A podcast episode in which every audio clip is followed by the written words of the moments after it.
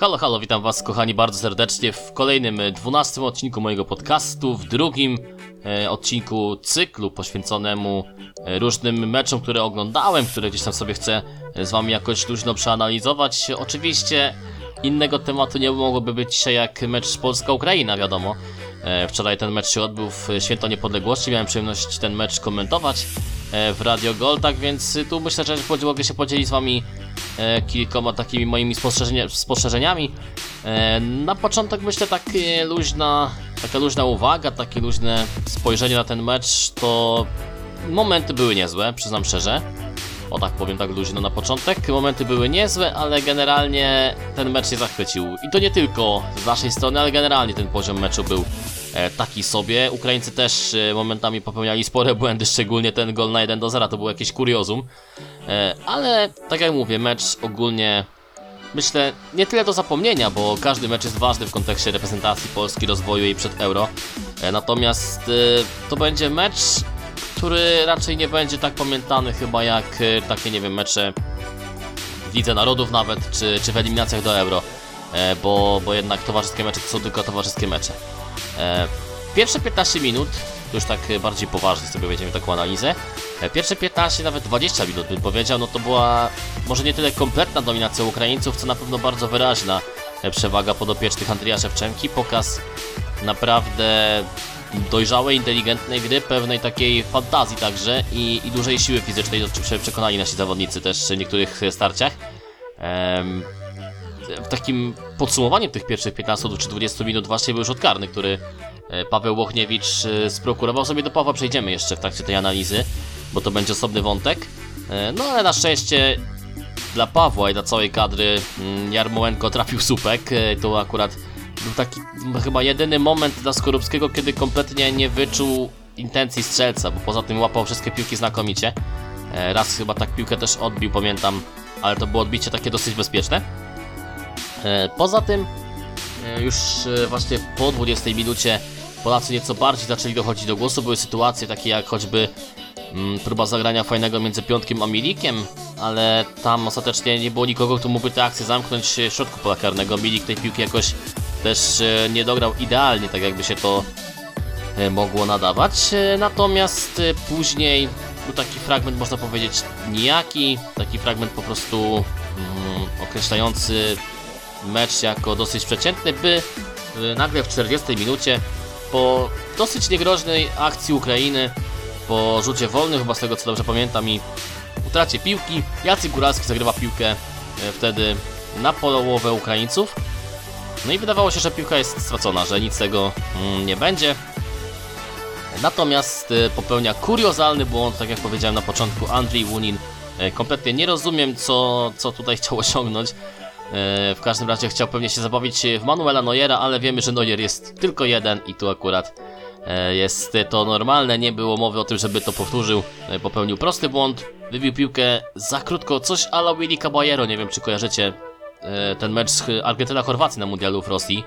Mniej więcej to wybicie Łunina z e, wczoraj było bardzo podobnej jakości i odległości jak to Caballero wtedy właśnie e, przy golu Rebicia na 1 do 0, tak tylko dodam. To na pewno pamiętacie, jeżeli sobie obejrzycie. Albo przypomnicie.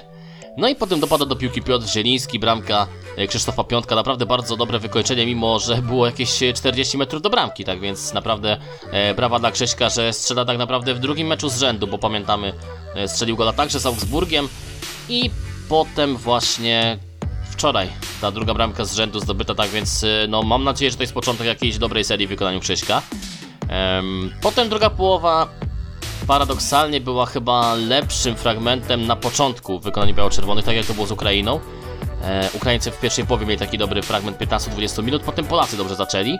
No i w pewnym momencie weszli na boisko Karol Linetty i Kuba Moder, no i Kuba Moder tak naprawdę minutę nawet nie, 20 sekund mniej więcej to było e, po, zdobyć, po wejściu na boisko zdobywa bramkę na 2 do 0, pieczętuje tak naprawdę wynik, bo potem Ukraińcy owszem atakowali, próbowali cokolwiek e, zrobić pod naszą bramką, ale mm, to nie było już e, takie zagrożenie momentami jak by się mogło wydawać, chociaż Cychankow miał taką jedną fajną sytuację, kiedy e, fajnie wszedł w pierwszy od razu w pierwszym możliwym tempie i tylko jakimś splotem zdarzeń takim szczęśliwym, takim cudem e, to nie wpadło do bramki, tak więc Tu można sobie powiedzieć otwarcie, że mieliśmy sporo szczęścia, potem jednak już Ukraińcy troszeczkę, e, tak jak my, spuścili z tonu, no i e, generalnie ten mecz zakończył się wynikiem e, 2 do 0.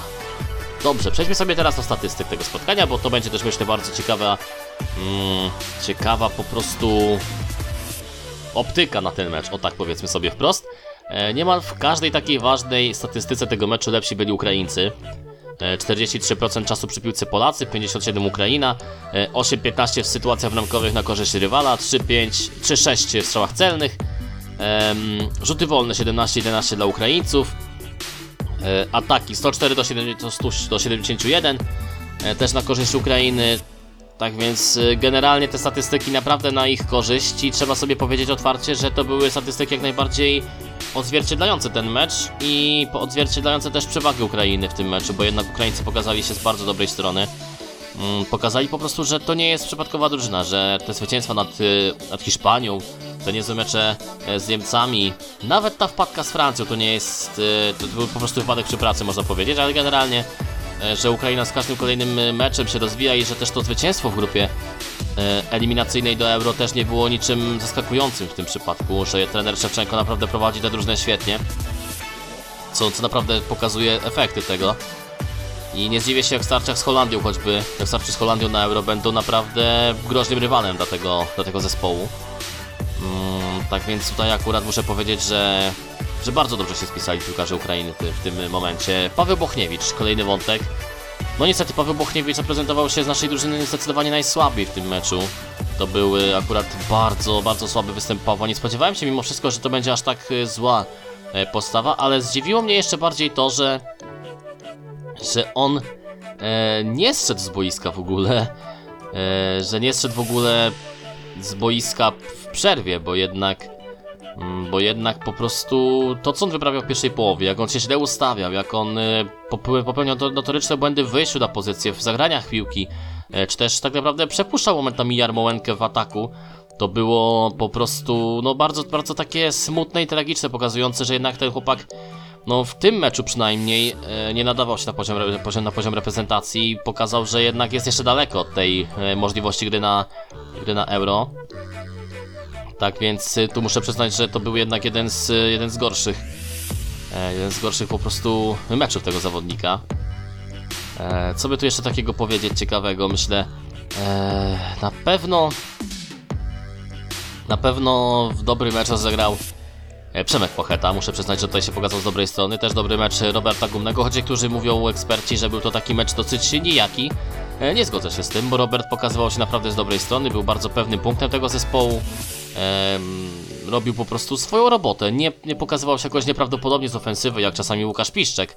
Ale co miał robić, to po prostu robił, no i to jest e, najważniejsze, bo jednak e, my oczekujemy przede wszystkim tego, żeby jednak żeby jednak po prostu obrońca, czy na, na pozycji bocznego, czy na e, pozycji już środkowego obrońcy po prostu grał przede wszystkim w defensywie najlepiej. No i tu akurat Robert spisywał się naprawdę solidnie, no spisywał się naprawdę e, przyzwoicie. Środek obrony, tak jak powiedziałem, Bochniewicz no niestety słabo, e, Walukiewicz no niezły występ, miał swoje momenty też gorsze, ale generalnie e, występ taki w miarę poprawny.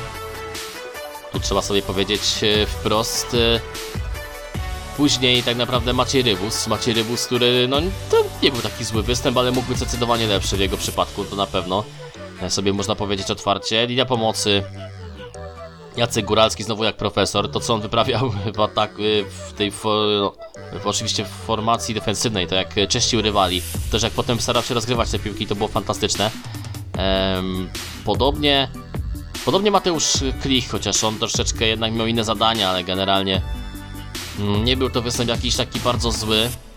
Pochet, o Pochecie już mówiłem, tak więc nie będę się powtarzał. Natomiast y, mamy jeszcze tak naprawdę trzech zawodników. Y, Piotr Zieliński. No nie wiem co o tym człowieku tak naprawdę dalej sądzić. Po prostu nie wiem co o tym piłkarzu dalej myśleć. Dalej po prostu jakiś taki słaby występ, nijaki występ.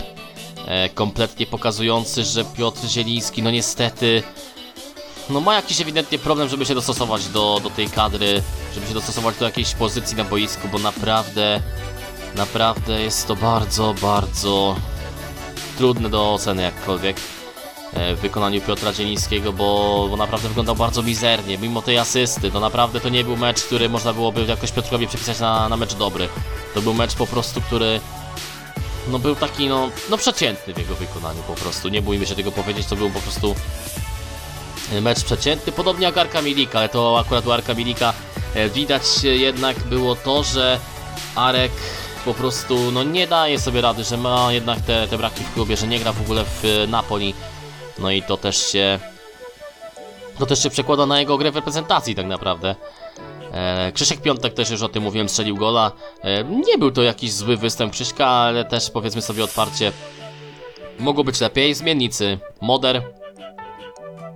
Moder tak naprawdę tak, bramka, potem troszeczkę zniknął. Miał kilka niezłych podań, tak więc występ naprawdę solidny. Linetty nie był też jakiś taki chyba najgorszy ten występ, aczkolwiek no mogło być jeszcze lepiej.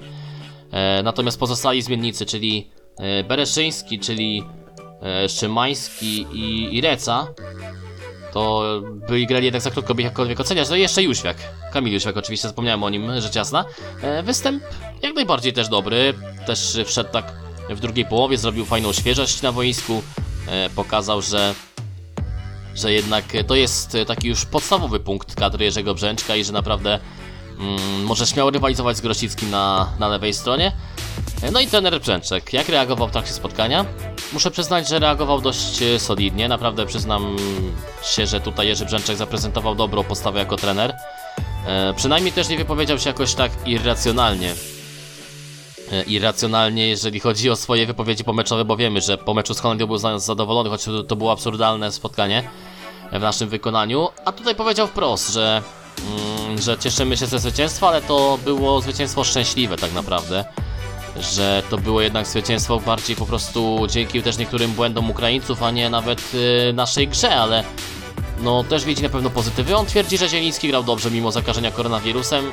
No jest to na pewno usprawiedliwienie, ale mimo wszystko e, cały czas się wymaga od Zielińskiego, nawet po tym zarażeniu koronawirusem, e, jakiejś dobrej gry, tak więc naprawdę muszę przyznać, że tutaj e, Piotrek no ma jeszcze trochę pracy przed sobą, tego powrotu do jakiejś takiej dyspozycji.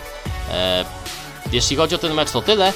A jeszcze chciałbym tak się tylko wypowiedzieć na chwilę na temat e, tego słynnego już wydarzenia e, meczu Turcji z Chorwacją. Mianowicie mm, doszło do takiej sytuacji, że w przerwie meczu Domagoj Vida otrzymał wynik testu na koronawirusa, czy wynik pozytywny.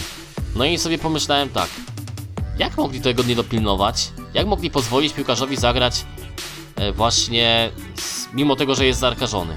Ale okazało się, że e, było tak, że na zgrupowaniu, na początku zgrupowania zawsze robią testy właśnie teraz na obecność koronawirusa, no i tam wyszło wszystko w porządku, że jest test negatywny, tak więc spokojnie Wida może zagrać w tym meczu, no i wydawało się, że wszystko jest ok. Zrobili drugi test tuż przed meczem, bo też jest teraz taka możliwość, żeby jak najszybsze te wyniki, jakieś te antygeny chyba to się jakoś tak nazywa, ja się na tym fachowo nie znam, więc nie będę się wypowiadał jakoś dogłębnie. Ale właśnie zrobili ten test drugi tuż przed meczem i w przerwie okazało się, że Wida ma wynik pozytywny.